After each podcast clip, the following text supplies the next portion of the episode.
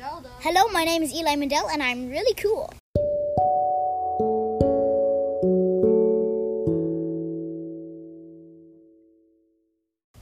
Today we will be talking about poo. Okay.